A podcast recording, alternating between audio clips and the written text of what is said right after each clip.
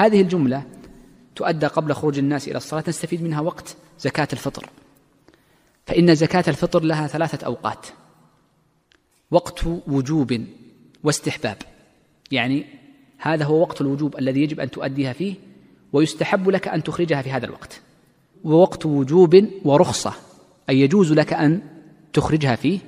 والوقت الثالث وقت قضاء. أما وقت الوجوب وقت الوجوب والاستحباب الذي هو يستحب فيه الخروج أن يكون في بعد صلاة الفجر يوم العيد وقبل الصلاة وقبل أن يدخل الخطيب ليصلي. هذا وقت الوجوب والمستحب أن تكون في هذا اليوم. الثاني وقت الوجوب والرخصة هو ما جاء في حديث ابن عمر رضي الله عنه أنهم كانوا يخرجونها قبل العيد بيوم أو بيومين. ومعنى قوله بيوم أو بيومين أي بحسب اختلاف الشهر إن كان ناقصا أو تاما.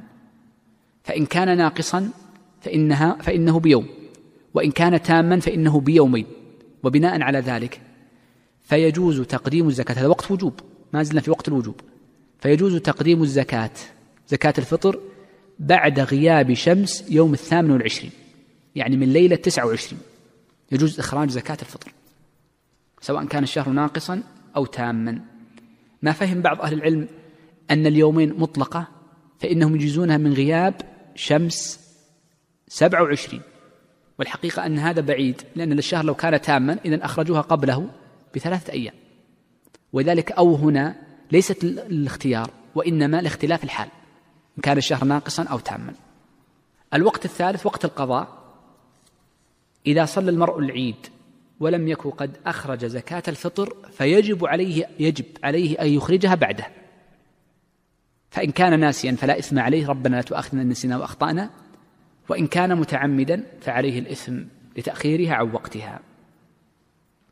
وهذا معنى قوله صلى الله عليه وسلم فإنها صدقة من الصدقات أي يجب قضاؤها يجب قضاؤها. خلها بعد شوي. يقضي زكاة الفطر وجوبا حتى الآن. لو جاء واحد الآن تذكر قال أوه ما أخرج زكاة الفطر حقت العام. أخرجها الآن.